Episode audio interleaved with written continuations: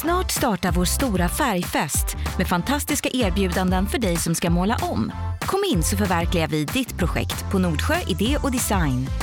Då är ni alla hjärtligt välkomna till ett nytt avsnitt av podden Snutsnack. Men idag är det inte Hasse Brontén som sitter bakom spakarna utan det är jag, Martin Melin och anledningen till detta är att dagens gäst är Hasse Brontén.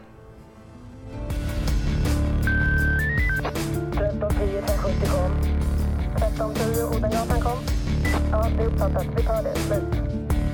Bra. Klart slut. Ja, men då ska ni alla vara välkomna till podden Snutsnack och dagens gäst är ingen mindre än Hasse Brontén. Just det, det Välkommen. Ja, eh, tack. Det känns lite udda att sitta på, jag vet inte om det är fel sida, men på andra sidan. Ja, men, men, men, men det känns ändå bra. Det känns bra för det är många som har frågat om inte jag skulle kunna vara gäst i Snutsnack och berätta lite om den polisiära delen av mitt liv. Ja, och, och för, för det här är ganska intressant för att när jag pratar med folk och ditt namn kom på tals så är det ungefär hälften känner till att du är före detta polis, andra hälften känner dig som komiker. Just det. Och jag känner ju dig sedan sen nästan 30 år tillbaka Mm. som polis. Mm. Så att det vill jag säga till lyssnarna också att jag är jätteintresserad, jättenyfiken och spänd på vad det här ska leda till. Ja, det är jag med. Men, men, men eh, berätta, börja från början, berätta din bakgrund. Vem är du? Ja, min bakgrund? Nej, men jag är ju en helt vanlig mm, kille uppvuxen lite söder om Stockholm. I, i, Kärrtorp kan man säga, lite ja, höjd med Globen för er som inte är, kan Stockholm så noga. Och med en mamma från Tyskland och en eh, pappa från Norrland. Så det blev väl halva vägen var där och blev Stockholm. Bra. Ville egentligen aldrig bli polis. Nej, varför inte det? Nej, min dröm var att bli skådespelare. Du vill inte bli polis, du vill bli skådespelare.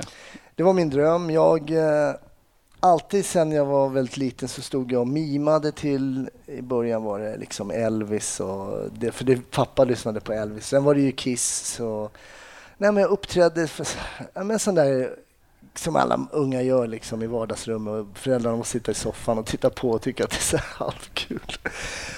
Men sen höll jag på så där hela vägen och de som känner mig sen back in the days vet att jag var alltid uppe på roliga timmen och när jag gick i sjuan, åttan så vann jag någon talangjakt där jag mimade och dansade och och då var det roliga var att freestyle var där, du vet de som vill ha det i mörkret. De hade inte riktigt, riktigt breakat 100 så de ville att jag skulle följa med på deras här sommarturné i Folkparken och uppträda innan. Det var, det var ett ganska kul uppträdande som var så här 7-8 minuter, men det blev aldrig av. Men, men vi, nu är vi i början på 80-talet någon gång.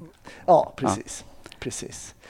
Nej, men sen gick man ut eh, gymnasiet och sen var det ju lumpen. Då gjorde ju alla killar lumpen på den tiden och då gjorde jag lumpen som militärpolis I Stockholm. i Stockholm, på K1 i Stockholm. Och eh, där kom de och rekryterade till polisen. Aha, okej. Egentligen, jag, jag kan inte se den tydliga kopplingen på varför en militär med automatik skulle vara en bra polis. Men så var det i alla fall. Och ehm, nej, men jag visste inte vad jag skulle göra efter lumpen och många var så här, men jag ska söka polisen. Min pappa jobbade ju som polis. Jag visste ju att vanliga människor var poliser liksom. Var, var din pappa polis? Mm, pappa jobbade Tysken? Som, nej, mamma är tyska. Ja, just det. Pappa, var är norrlänningen. från Vännäs, ja. Jaha, det visste inte jag. Jobbade han där uppe i... Han jobbade på T, som det man sa, Jaha. på trafikavdelningen. Se där, okej. Eh, och var ju hemma då i kvarteret ibland med polismotorcykeln och skjutsade runt oss barn och vi fick ha hockeyhjälm och så skjutsade den. Så det var ju ganska mäktigt. Eh, och det blinkade blått och han hade en sån gammal BMW polismotorcykel. Liksom. Vad härligt. Mm. Så det var ju roligt och så såg man, man såg upp till pappa för att han var, ja, du vet, ens pappa. Mm. Eh, Men hur den var så slängde jag in en ansökan till polisen där och kom in. Eh, Och på den vägen var ju det. Men, Polisskolan var ju, för mig var det som en förlängning av gymnasiet. nästan. men det var i Solna du gick då? Sörentorp. Sörentorp, polis, Ja, den, den gamla riktiga polishögskolan. Ja, augusti 88. Augusti 88. Hur var det då? Kändes det att komma in där bland alla andra? Ja, men jag kom ju direkt från lumpen då och vi var ju ganska... Ja, jag tyckte det var slarvigt med uniformspersedlarna och sådär, att det inte var enhetligt som det var i militären på det sättet. Att man tyckte att några hade liksom en typ av uniform och Men det där det försvann rätt fort faktiskt. Därför du sänkte det till deras standard sen. Jag sänkte mig till deras standard. Mm. Det var väldigt roligt. Vi hade en rolig klass och eh, nej, det var väldigt rolig tid där på polisskolan tycker jag. Vad, vad, vad var det som var bäst då på skolan? Nej, men det var ju träffa nya människor och vara på väg någonstans. Och jag jobbade ju sen också som lärare på Polishögskolan. Man glömmer ju bort att liksom njuta av vägen mot målet ibland. Och när man pluggar till någonting, det var ju som att man absolut ville ut. Och, men det var väldigt roligt att vara på väg mot det här målet Mm. tillsammans med de här människorna. Och jag tror inte att man riktigt njöt av det tillräckligt. Jag försökte alltid poängtera det till mina studenter. Liksom, hur bra har ni inte nu? Hur kul har ni inte? Liksom? Mm. Sen kommer det ett yrke som ni ska vara i kanske 40 år. Men, men kände du di- direkt på polisskolan att det här var rätt? Alltså, nej, jag... Eller- Jo, både ja och nej. Både ja och nej. Jag kände att jag hade kommit rätt på ett sätt, det gjorde jag. Och hamnade, träffade många personer som jag liksom tyckte var, liknade mig lite. Och, Mm. i tänket och sådär. Man sportade, jag spelade basket och några spelade handboll och det var sådär. Så. Men hade du kvar den här rollen som liksom den, vad ska man säga, entertainer? Liksom? Jo, men det hade jag nog. eh, Det hade jag nog. Jag var fortfarande, jag var ganska jobbig. Jag skulle alltid, jag var den där som skulle vara, jag tror att jag kunde vara lite jobbig. Men ehm, Var du jobbig figurant? ja, det kan jag vara. Jag försökte visa mina acting skills.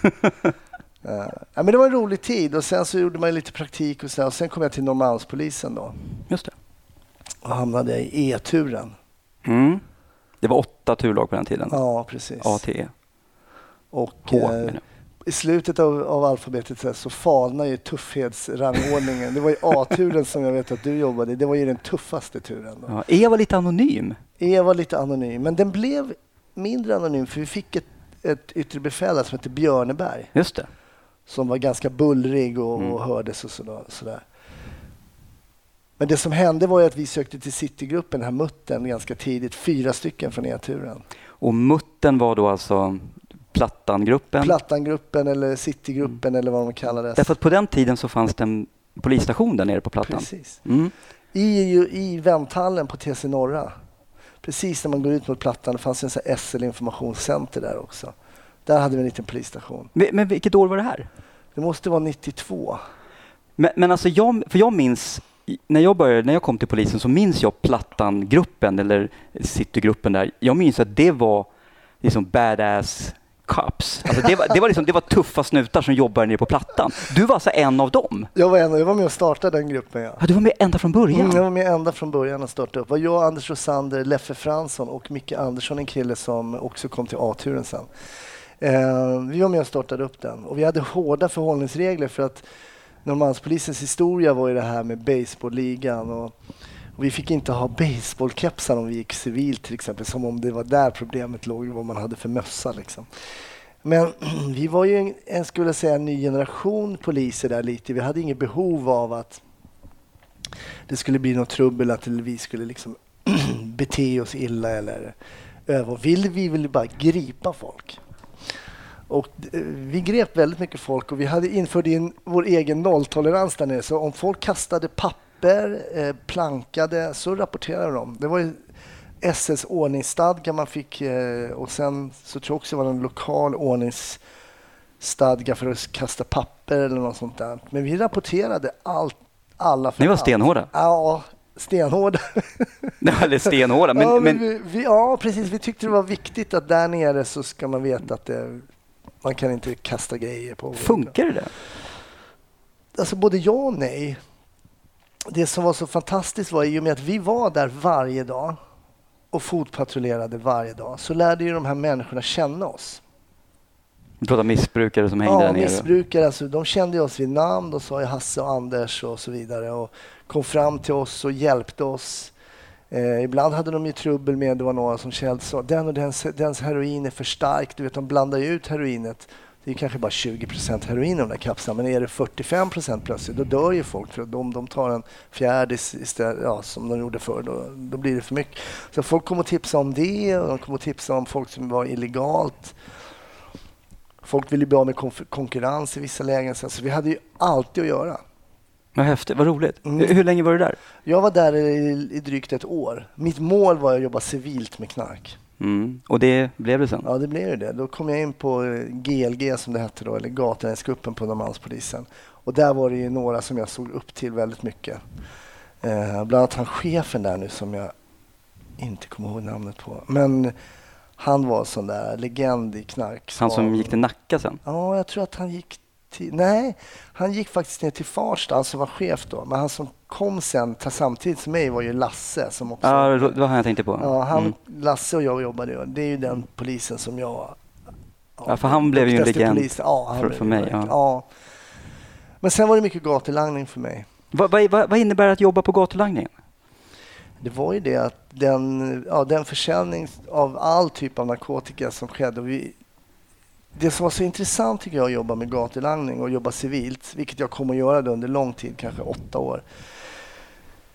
Eh, så var det så här, det var inte så att de ringde från ledningscentralen eller andra och sa hej, vi tror att det står en kille i gul jacka och säljer knark på plattan. Utan vi åkte ju bara ner och alla jobb hittade vi ju själva.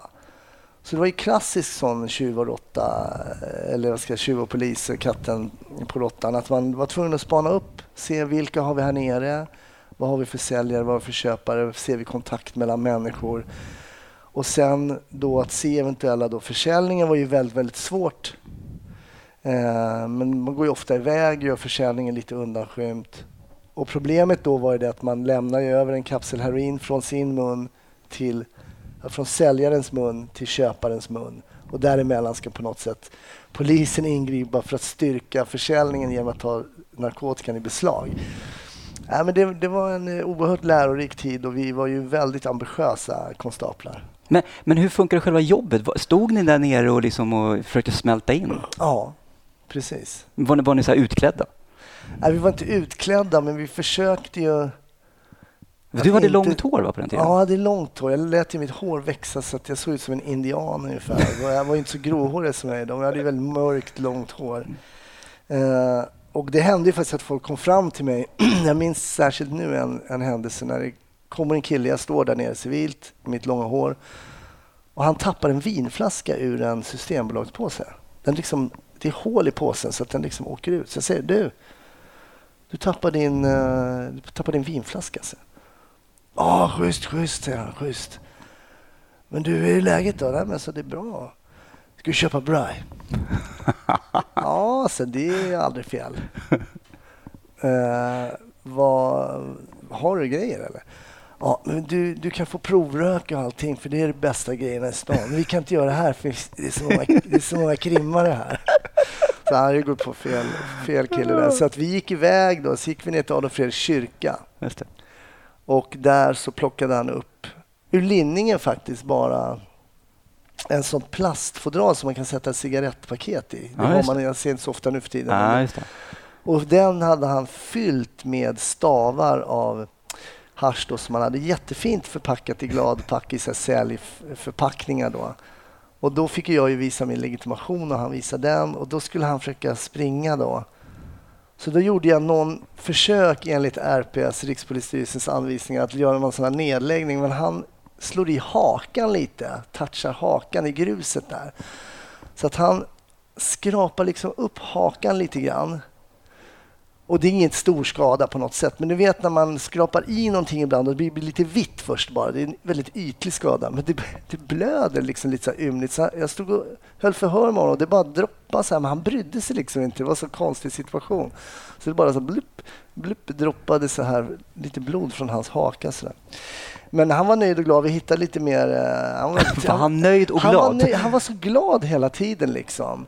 Jag sa det, sorry att du slog i. Det, man vill inte skada någon, men Nej. ibland blir det. När han försökte springa måste vi få stopp på honom där då. Men han var så här, nej, jag har lite mer hemma och så ja. Han var en ärlig, ärlig knarklangare. ja, men det var en ung kille och lite, lite naiv och sådär. Men, men, men var det heroin mest som ni jobbade Ja, mot? det var det. Det var ju framförallt heroin som, eh, som vi spanade emot där. Men sen blev det ju mycket av de andra preparaten också. Sen var ju också Plattan då en mötesplats för all form av kriminell kommunikation. Man kunde liksom skapa kontakter där om man ville köpa någonting annat, kanske ett vapen eller någonting. Så, men framförallt var det heroin. Hur länge var du på, på GLG? I fyra år. Oj! Fyra år sprang jag där och eh, i en jättebra grupp. Sen hade vi aspiranter som kom. Jag har ibland några så här, jag någon polis. Ja, jag var ju aspirant på GLG och de tyckte det var, jävligt. det var nog en jäkligt kul tid att och, och få springa runt där med oss. Eh, sen så var det så att i slutet på den tiden av Gatlandsgruppen så började man se liksom preparat dyka upp i Stockholm som man inte hade sett på länge. Det var LSD och det var det som, som kallade, något som kallades för ecstasy och det blev väldigt, väldigt populärt. Och då var det också en svartklubb som var väldigt populär som hette Docklands som låg ute i Finnboda varv i, som tillhörde då Nacka polisområde där. Och då tillfrågades vi, för då ville polisen, det var mycket skriverier i tidningarna om det här och det var jättemycket droger och så vidare. Och vi som hade jobbat, om vi ville starta en grupp som riktade sig mot ungdomar och narkotika och de här nya preparaten. Då. Och då blev det något som kallades i folkmun kallas för Rave-kommissionen. Som, eh, där vi gjorde lite samma sak, men vi gick på rave och vi gick på krogarna i stan och civilt och så här. Också en rolig tid. Rave-kommissionen minns jag blev ju oms omskriven. Mm. Eh, framförallt kanske för sin effektivitet. Mm. Eh, det var ju många ungdomar som rasade mot att ni eh, tog dem och pissade dem av dem Ja. och, och hem till föräldrar och det var ju hemskt och allt det här. Men vad jag förstår så hade ni en ganska hög träffsäkerhet. Ja, alltså vi hade ju en otroligt hög träffsäkerhet.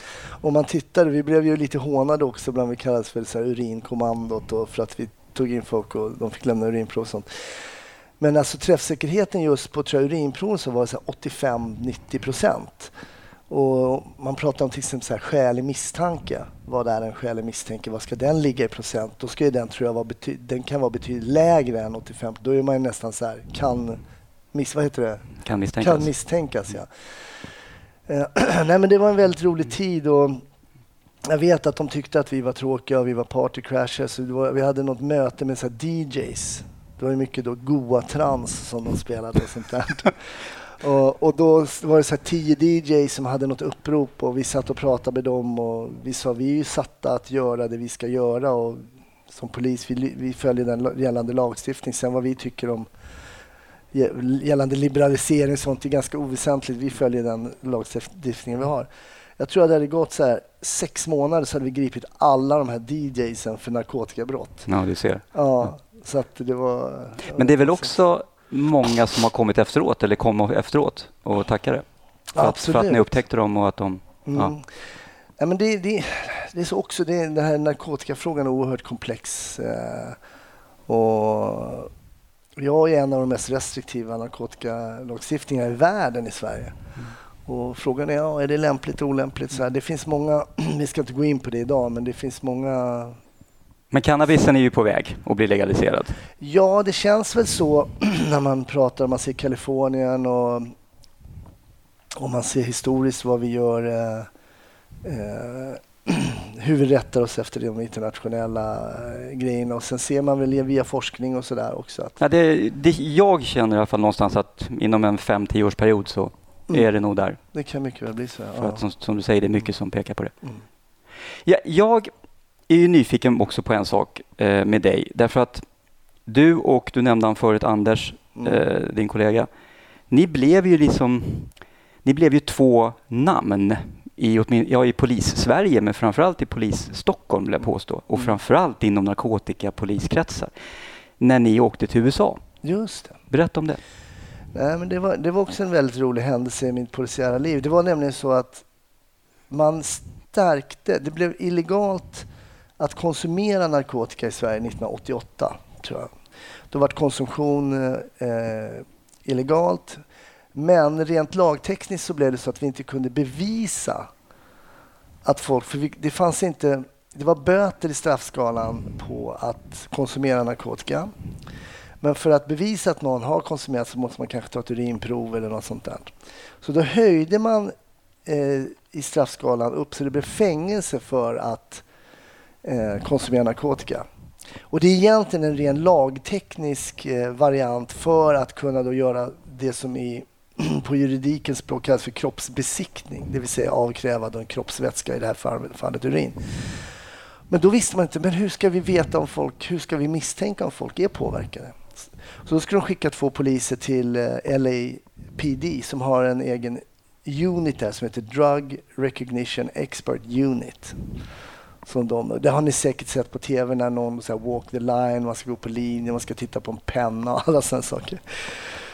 Och de skulle skicka, så de skulle skicka, men då hade de satt upp ganska stränga språktest. Så kommissarierna klarade inte de här engelska proverna. Och så, så till slut ramlade det ner på mig och Anders. Så vi var iväg fyra veckor kurs hos LAPD. Och sen kom vi hem helt enkelt och utvecklade den här kursen till en svensk variant. och Åkte runt i hela Sverige. Drogtecken och symptom. Exakt, så hette den. Drogtecken och symptom. Och vi, det finns fortfarande en liten sån pamflett ute som eh, rullar runt på svensk, hos svensk polis. Sen kanske inte den är lika aktuell. Det är vissa saker där som kanske är inaktuella. Men under en två, treårsperiod där så var vi ju nog kanske i Sverige de mest kunniga vad gäller de olika preparaten och vad de visade för tecken. Och, och det var nog inte många som slog oss på fingrarna tror jag där. Så, så då var vi RPS-gubbar att sköta. Så vi skötte all instruktörsutbildning i hela Sverige. Vi, vi utbildade instruktörer som i sin tur då utbildade poliserna i sina polisdistrikt. Så det var, det var, det var väldigt roligt, men väldigt mycket jobb. Jag tror inte vi visste när vi åkte iväg till så här LA, så, Åh, nu ska vi åka och träffa så här poliser hos LAPD, att vi skulle utforma en hel liksom, utbildning för och, och så kommer polis. ni hem och RPS står bara och säger så här Bra, nu vill vi se resultat av det här också. Och så, så fick vi tillbringa liksom tre år och åka runt i Sverige och utbilda folk. vi var så, vi utbildade och sen faktiskt vi parallellt jobbade vi hela tiden. Så det var mm. ganska bra, så vi kunde alltid ge exempel från, ja men igår så gjorde vi det, vi grep en som var så, uppvisade de tecknen och lalala. Du vet att jag gick, du utbildade mig. Var det så? Ja, för jag blev en av länsinstruktörerna ah, i Stockholm. Ja, så var ja. det. Jo, men så, ja. nu när du säger det. Så att, eh, det var ganska intressant att sitta där och få lära sig om hur pulsen ökar där och mm. pupillerna och det här nystagmus som du just sa. Man ska titta på spetsen av en penna och så ska man följa den med blicken och så ska det bli ryckningar och sådär. vilken, vilken, vilken substans är det då i så fall och just vad tyder det, det på? Och jag kommer ihåg också att vi sa så här, men vi har en hemligt trick också. Som vi inte nämner liksom i boken som man kan använda. Så vill ni veta den så på kursen? Han bara, det du kan fråga folk du kan fråga folk vad de har tagit. Oh, skön. Och eh, en del var ju så nej men jag har tagit heroin så jag har blandat det med lite Rohypnol och så. Man bara okej, okay, så behöver man, inte göra, behöver man faktiskt inte göra några. Ja, typiskt snutgrej. Det är klassiskt, man står och bankar på en dörr. Öppna, öppna, nej vi tar hit en låsmed. Ja, så står man och ringer låsmed, kommer låsmeden. Första han gör är att känna på handtaget och dörren är öppen. här, Gå, testa alltid det enklaste först. Ja, ja nu är det bra. Men, mm. men då, på, då, blev ni liksom proffs på, på, ja, på, under en tid på narkotika? Ja, blev det verkligen det där. Och sen, men sen... Men, varför, det måste jag vara, det, det undrar jag verkligen. Blev det någon slags, av, för Sverige, eh, jantelagen och allt det här, blev det någon slags avundsjuka bland kollegor som tyckte varför får ni göra det här? Och... Ja, jag, jag, ibland när vi kom ut i landet vi var ganska unga poliser här då. Vi var i 94 i, hos LAPD. Och jag hade då var då jag började, jag hade, hade så en jävla töntig frisyr för att jag skulle låta det växa ut men sen när det kom så nedanför öronen så blev det sån här lock liksom. Så. Det gled in som en page? Ja, som precis som en sån ofrivillig pagelock. Men sen när vi åkte ut då i landet då var det ofta de så här rotel 11 som var så här narkotikarotlar och sånt. Då kommer de här unga poliserna från Stockholm. Det är alltså att bara vara från Stockholm. Nu pratar jag Anders skånska, det var väl till hans fördel då. Men komma från Stockholmspolisen och tro att man är något, mm. vilket vi inte egentligen trodde. Men vid ett tillfälle så gick, hade, var vi framme, hade någon kateder där och vi skulle vi la fram lite material. Och då satte sig några. Då hör jag hur en kille så här, ska viska sig till sin kollega. Eh, han den där mörka långhåriga, tror han är polis eller? Nej. Ja, just det. Så lite hånfullt då, då. Men då gjorde vi en ganska bra grej faktiskt. Vi gjorde, började med att lämna ut ett prov direkt. Vi hade prov det första.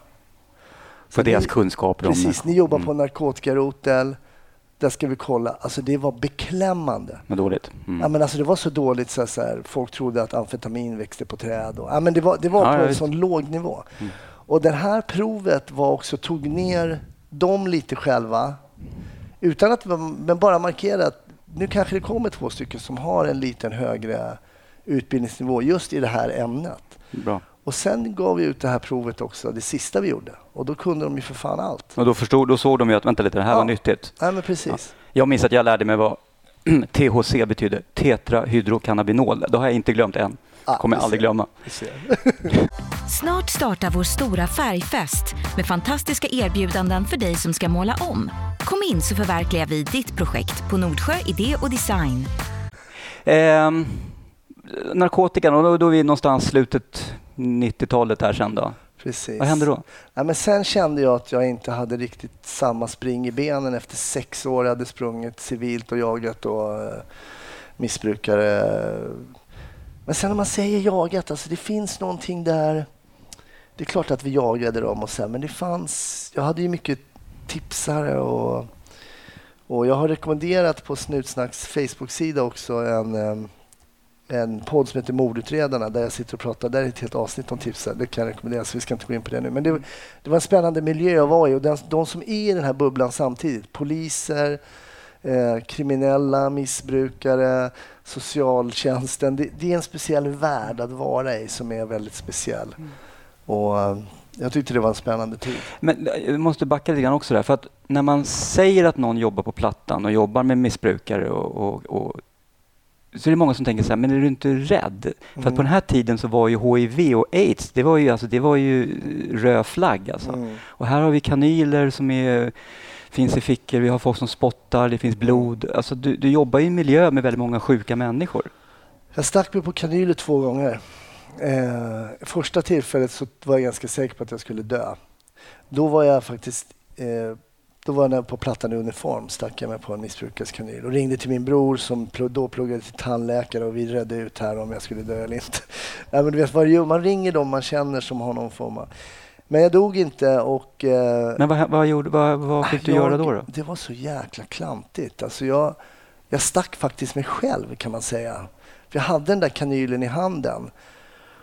Och sen skulle jag lägga undan den så jag stack mig själv under nageln. Sen liksom gick in under nageln den där jävla kanylen. Nej. Och liksom jag vände mig om och så samtidigt så drog jag, ah, jag vet inte hur jag lyckades, det är typiskt mig också. Men, men fick du åka till sjukhuset och, och Mm. få sprutor och grejer? Precis, åkte in till sjukhuset och blev också nolltestad så att man inte så att säga hade HIV redan innan då. Så blev jag Hur, hur noll- går det till? Jag kom in där, de eh, tog blodprov eh, och sen så kollade de också att jag var frisk så att säga. Sen fick jag då någonting om det var hepatit, någonting, hepatitskydd eller något sånt där. Men sen gjorde jag bara uppföljningar, testade mig. Var tredje månad, var sjätte ja, månad? något sånt där var tredje månad i typ nio månader.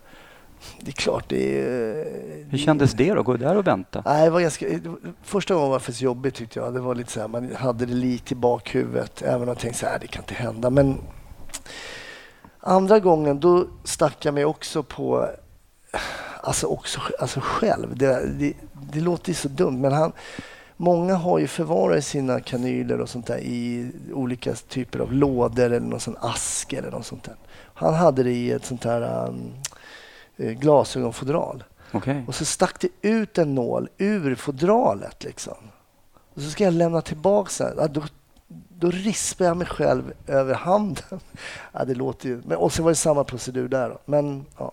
Sen har jag blivit spottad på och man har fått mycket andra vätskor på sig. Så, så det var ju som du säger, det är ju en miljö som... Jag köpte ett par handskar kommer jag ihåg som var som så här metall. Typ som så sydda av svint och metall. Det gick inte att ha. Man kan inte, man Går inte att känner- jobba med, Det går nej. inte att jobba med. Men eh, Men, men det kanske vi ska säga också att många av de här missbrukarna är ju försiktiga också. mm, De har ju en respekt på så sätt. absolut. Och många man säger så har du några, har du några kanyler på dig? Ja, jag har det där och där. Och akta det där kan det ligga löst. Så, så många är, Sen när man också fick och lärde känna dem så var det fanns så fort man lär känna någon oavsett om det är en polis gentemot en kriminell eller man skulle kunna ta i dagens nu om det skulle vara någon som en rasist mot en. Alltså bara man lär känna någon så skapas det ju någon form av kommunikation som binder en lite, lite grann. Och ju mer man träffas så binds det lite. Och det, så var det ju även där nere. Så det var ju, det var ju faktiskt riktigt trevligt att heja på en. Så här, som att vi kom till jobbet båda två men jag kom liksom till, som statligt anställd som polis och de kom ner till Plattan av en annan anledning. De frilansade lite. Ja, härligt. Eh, vi lämnar plattan då. Mm. Eh, var tog du vägen sen i poliskarriären? Sen så gick jag till spaningsroteln i Nacka. Fick en tjänst där och det var, det var jättetrevliga människor att jobba med men för mig så var det som att springa in i en vägg. Så jag hade jobbat med oerhört ambitiösa och högt tempo. Så det var inte riktigt samma tempo där i Nacka. Även om jag hade, och det var nog okej okay för mig just då, men jag lämnade det ganska fort och sökte mig, jag sökte som livvakt. Ja, du sökte till livvakterna? Ja, men vart ju helt totalsågad. Varför det? Nej, det var, ju, det var psykologen faktiskt som sågade mig helt. Sa du, jag kan säga direkt, jag kommer inte, du, du kommer inte bli livvakt. Jag bara, vadå? Jag har ju sett Bodyguard med Kevin Costner. Klart jag kan bli livvakt. Klart jag kan bli livvakt. Nej, hon tyckte att jag var helt olämplig helt enkelt. Okej, okay, så då, bort med det. Så det var bort med det och det var ändå så här lite, även om man söker och förstår hennes sätt att resonera, att jag kanske var, hon menar på att jag var för utåtriktad och för mm, verbal. Mm. Och man sökte en mer avvaktande personlighet liksom. Så inte, men hon och han har ju fått tjänster. Ja, man jämför. Ja, man jämför lite så. Men sen sökte jag till Säpo igen och kom till spaningsroten. Mm. Eh, och det var en rolig tid. Men, men du, var, du var ute i Nacka och jobbade ett tag, eller? Ja, jag var ute i Nacka och jobbade ett tag. Och för, för Säpo? Ja. Hur länge var du i Nacka? Jag var i Nacka i två, cirka två år. tror jag var i Nacka. Men var du på span där då? Alltså? På span, det var span och narkotikarotel, så vi hade både spaning och utredning. Okej, okay. vad spanar man på i Nacka? Ja, men det finns allt möjligt att spana på där också faktiskt. Det är ett väldigt stort eh, polisdistrikt. Vi har ju Nacka närmare stan som är ganska liksom, känns lite så mer storstadskänsla kanske. Eh, sen ut mot Värmdö, Ingarö och där är det ju laglöst land. Så det fanns både det ena och det andra. Ja.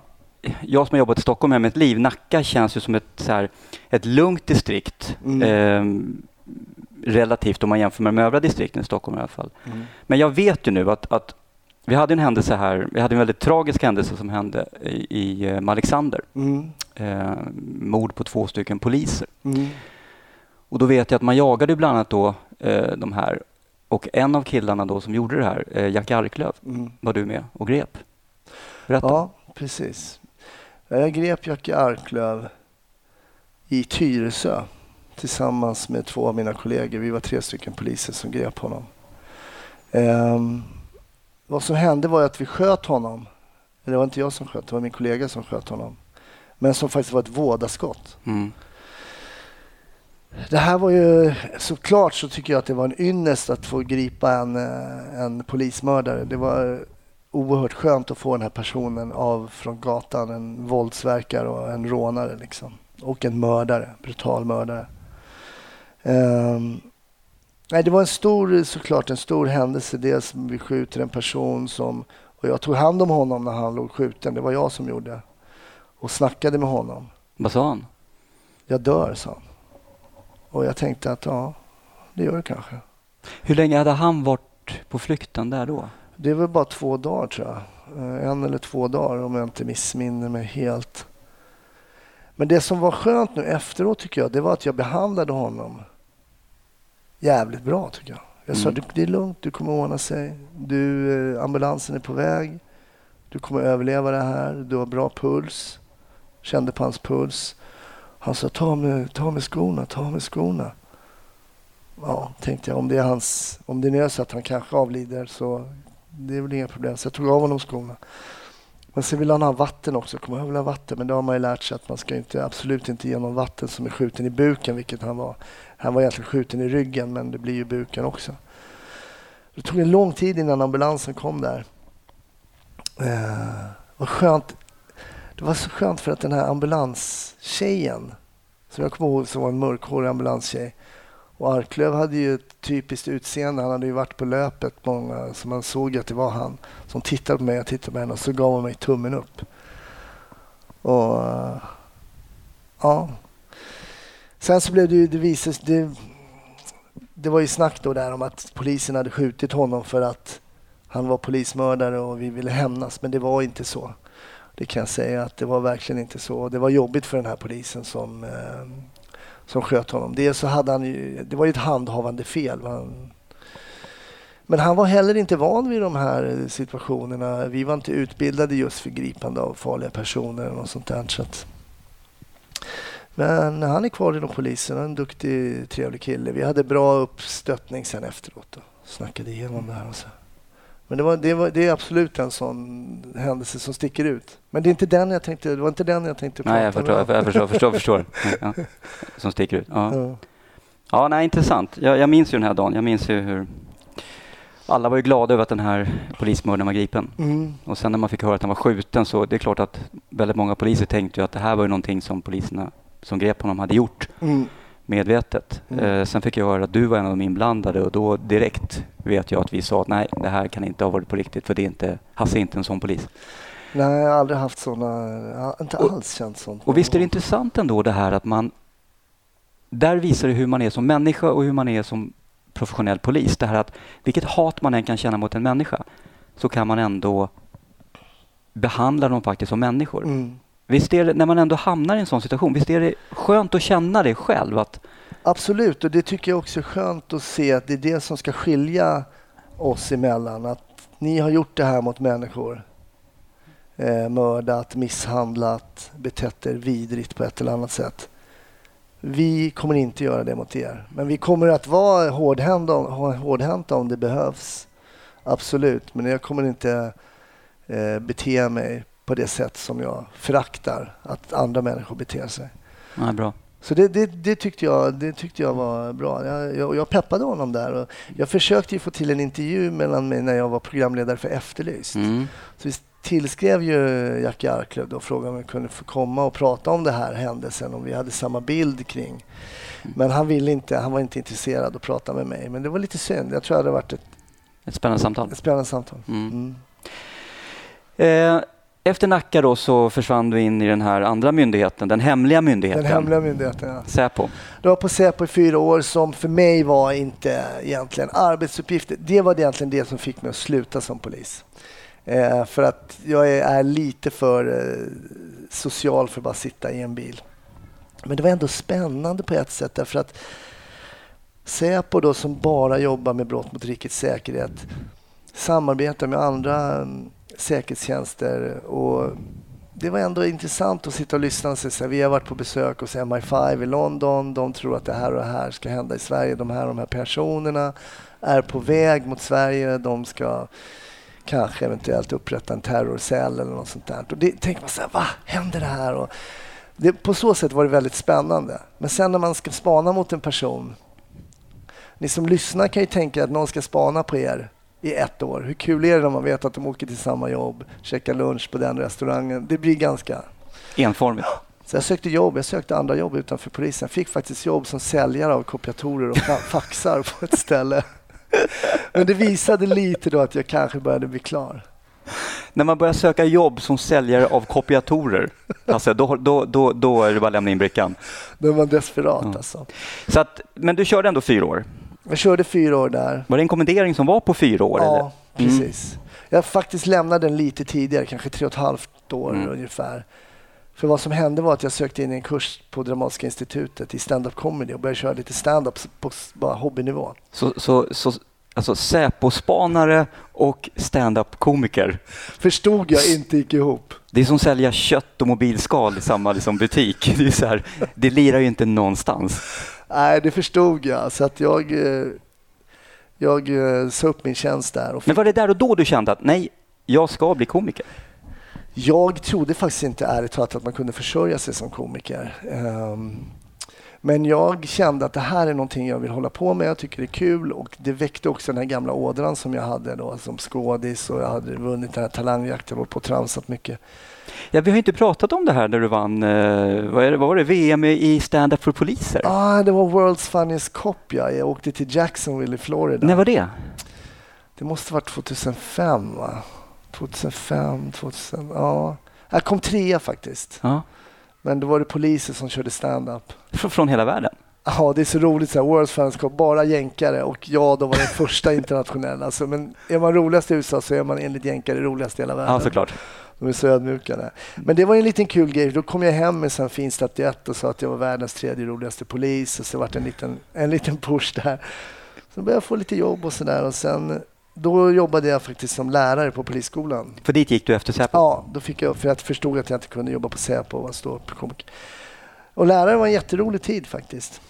Va- Vad är lärare i vilket ämne? Polisämnena då, det var ju poliskunskap, polislagen men även då narkotika eh, Eh, kursen och den hade jag inledde jag med hela de där kurserna och berättade om det och eh, ja, det var ju också, det är också jäkligt svårt när man har jobbat praktiskt med narkotikaarbete och sen så lagtekniskt så ibland är man ju ute i en gråzon som inte är olaglig men som där ingen, man ringer du vet, upp till jurister på RPS och de kan inte svara. Och, och, men man vet liksom att fram till hit rent lagtekniskt, här är det lagligt.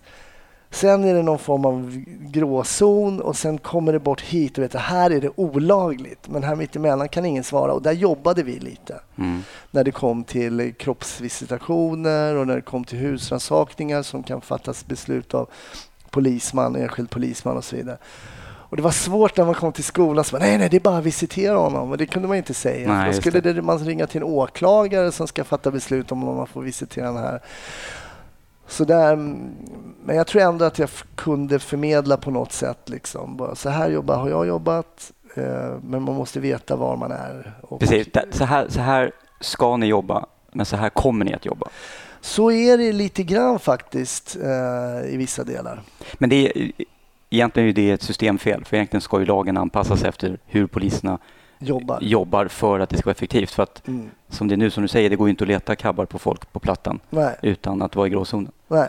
Därför skäligen misstanke är ju inte bara att man flackar med blicken och Nej. ser nervös ut egentligen. Nej.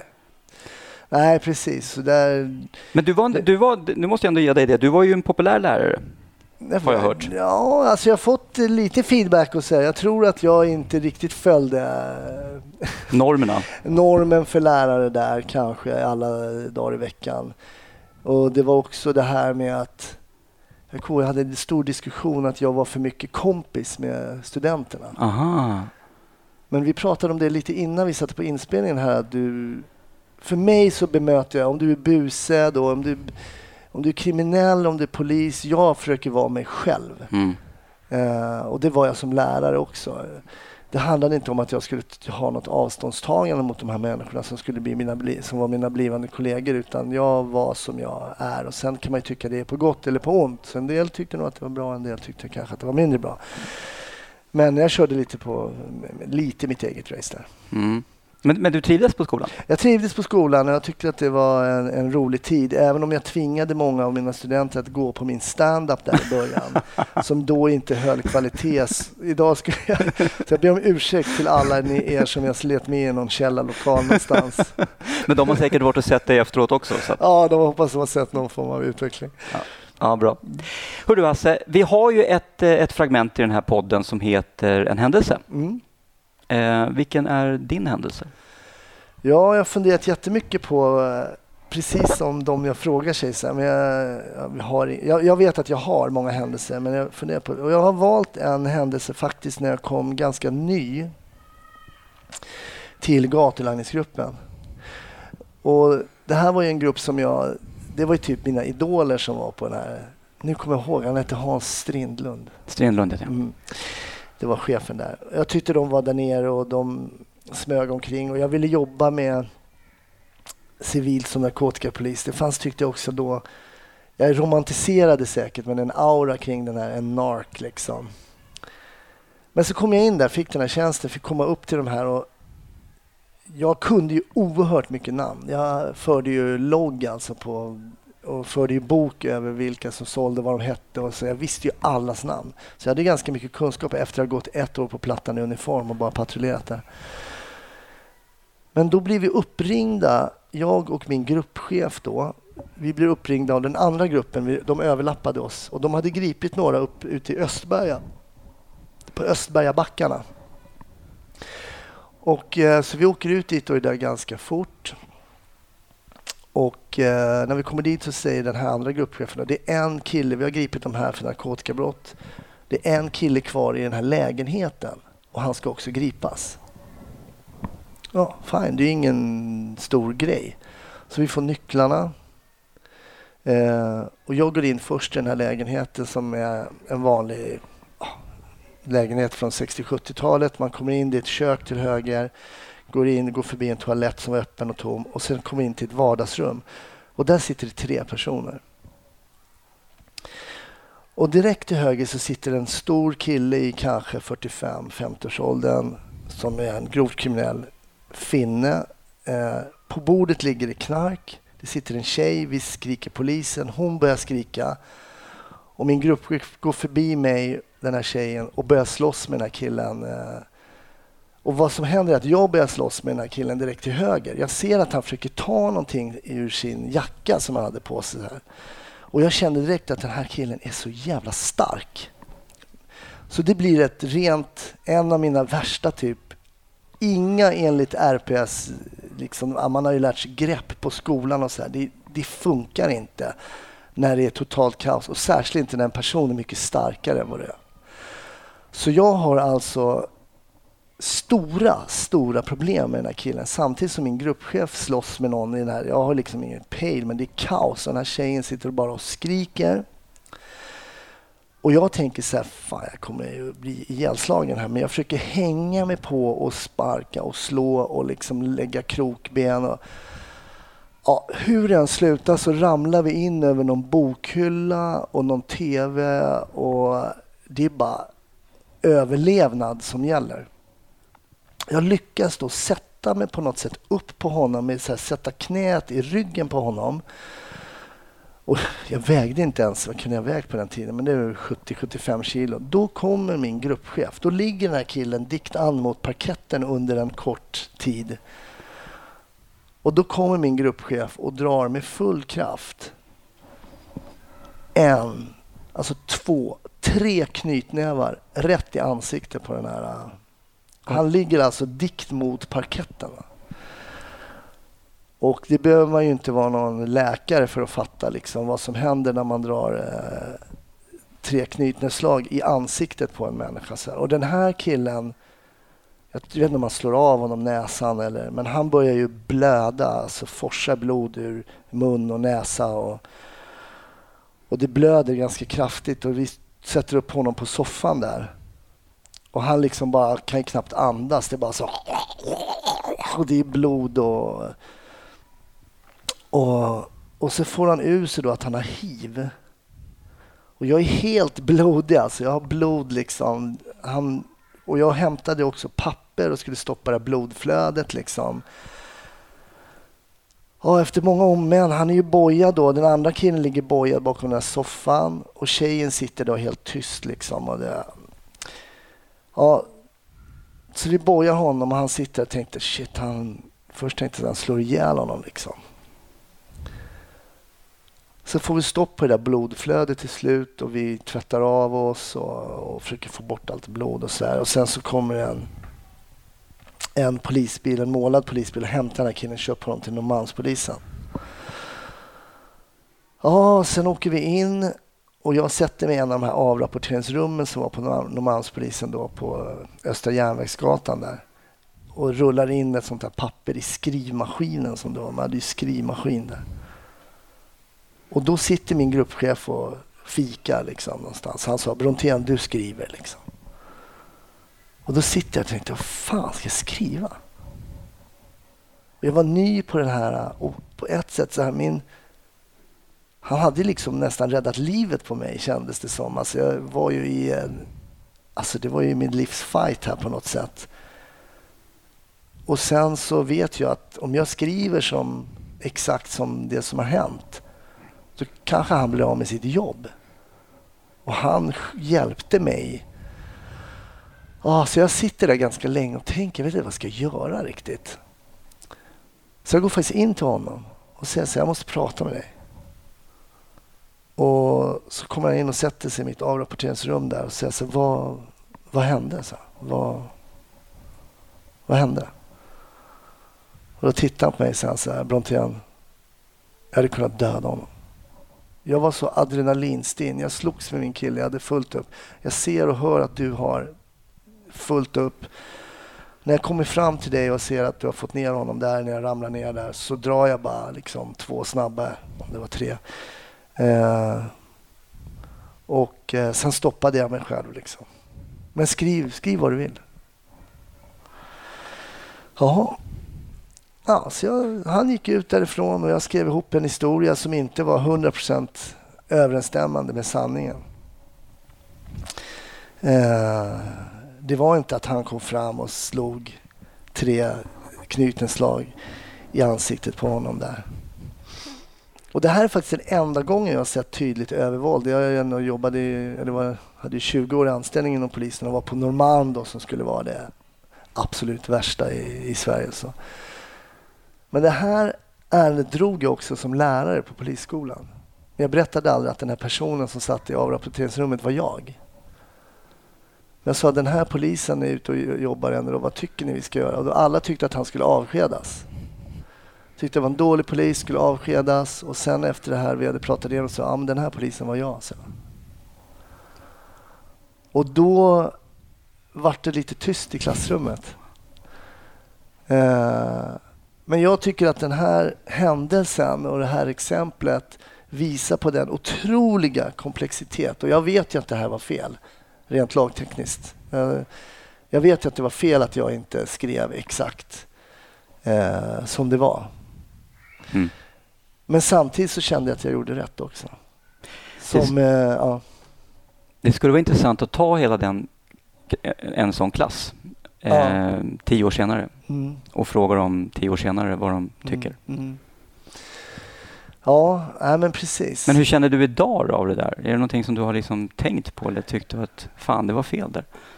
Det finns ju en anledning till att den här händelsen dyker upp och det är den händelse som jag berättar och den händelsen som ligger kvar. Dels är det för att det är en, när folk har varit med om övervåld så dyker alltid den här upp. Mm. Sen har man varit med och slagits med folk och det har varit mycket våld inblandat och folk har blivit skjutna och sådana saker. Men det här är den händelse som jag kände då på plats och efteråt att han hade kunnat hjälpa mig att gripa den här killen utan att dra de här knytnävsslagen i ansiktet på honom och typ som jag kände då liksom um, Nej men jag kan känna absolut att jag gjorde fel. Men som jag säger också så är det så jäkla skevt att jag också kände att jag gjorde rätt på ett sätt. För jag tyckte att han räddade mig. Hur skulle jag kunna liksom sätta någon liksom få någon att bli avskedad som har hjälpt mig. Det är det här som är så svårt när folk pratar om att vi poliser håller varandra om ryggen. Mm. Det handlar egentligen inte om att hålla varandra om ryggen utan det handlar om att det är väldigt svårt att faktiskt vara den som säger du ska inte jobba kvar som polis. Nej. Därför att jag kommer säga berätta det här och det här och därför kommer du inte jobba kvar som polis. Man kan jämföra det här med ungefär att man vänder sig till föräldrar och säger att om du som förälder hittar hash i din sons rum, ringer du polisen då? Och det gör du förmodligen inte, för det är ganska svårt att göra det. Mm. Det finns de som gör det. Mm.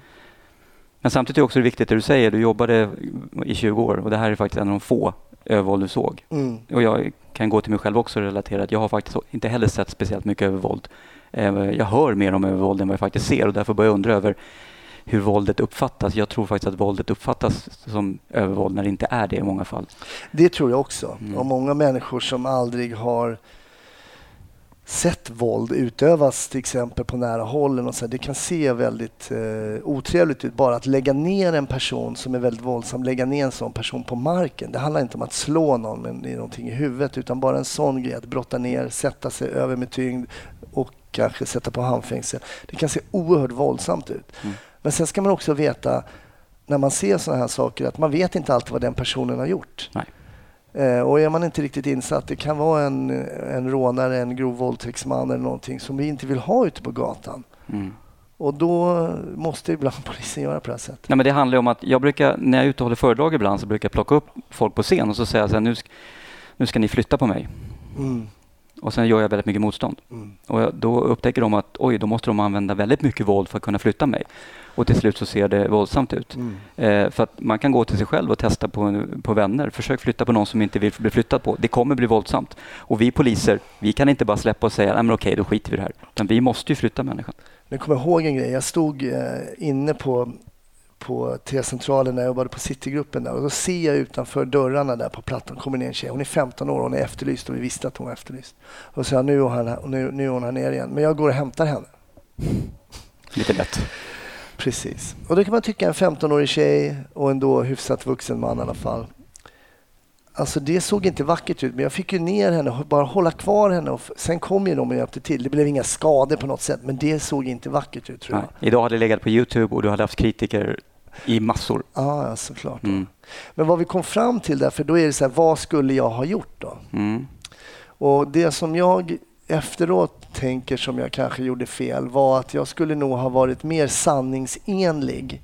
Alltså jag kunde nog ha berättat att ett slag utdelades eh, därför det var en väldigt våldsam situation som behövde verkligen avbrytas. Annars hade poliser blivit skadade eller andra blivit skadade.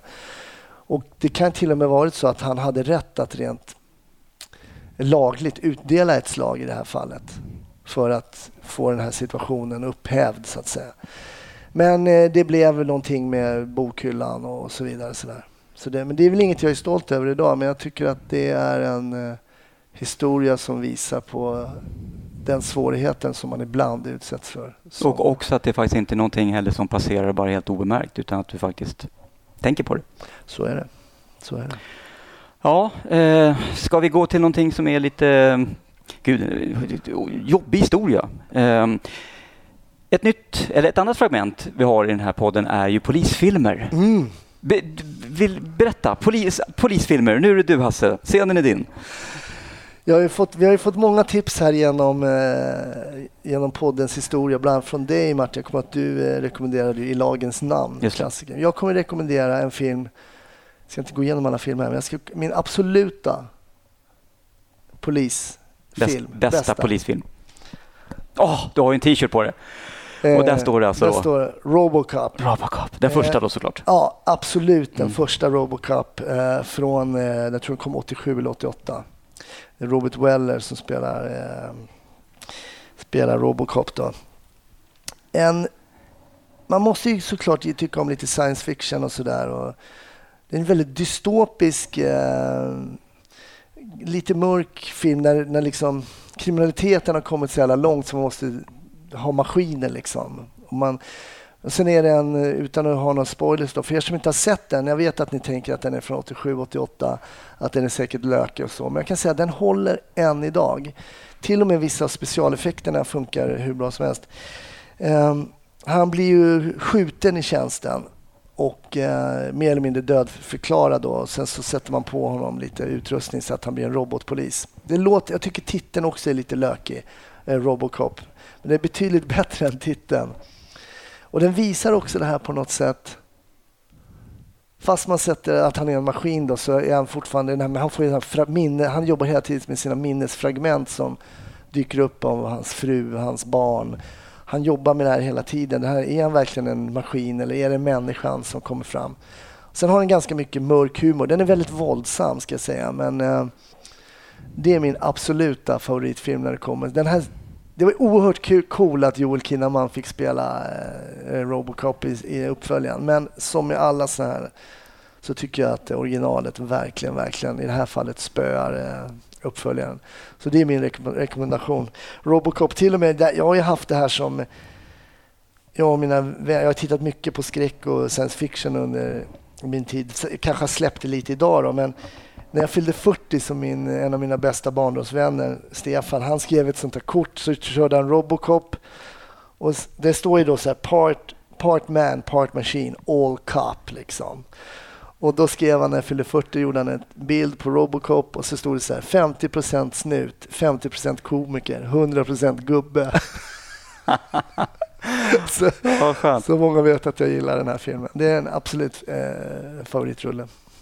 Bra, bra polisfilmstips. Mm, vad kul. Robocop. Den har inte kommit upp eh, än. Så att, eh, är den, och det är verkligen min absoluta favorit. Mm. Och, och som du säger, vad kan du rekommendera alla som är under 30 att faktiskt söka upp den här? Ja, verkligen. För den är, den är, jag håller med dig. Mm. Skit, och när den kom var den ju hur stor som helst. får man inte glömma bort. Jag är så irriterad för den kommer aldrig ens på så här topp 100 bästa filmer. För mig är det verkligen en, en riktigt, riktigt bra. Det är en holländsk regissör som heter Paul Verhoeven som har gjort den här. Som kunde liksom, man läser av, han kunde läsa av USA på ett sätt som inte jänkarna kunde. Att allt handlar om pengar, man kan köpa allt för Mm. pengar. Eh, och han kunde nog se framtiden, ja hyfsat, han kunde spå framtiden rätt bra där. Allt kunde köpas liksom. Mm. Så, äh, riktigt bra film. Ja, intressant. Jaha, Hasse, jag, eh, jag, är, jag är nöjd. Är du det? Ja, så att... ehm, Ja, vad trevligt. Ja, jag, nu ska inte jag fråga hur det kändes att sitta på den där sidan, men det Jo, det kändes... får du göra. Men, det Det- kändes, men du är ju van att bli intervjuad, så det är väl inte... Nej, men det kändes okej. Det kändes okej. Och jag skulle vilja tacka dig Martin att Mm. du på ganska kort varsel kom in och klev in som gästprogramledare. Inga problem. Tack Hasse. Tack. Tack.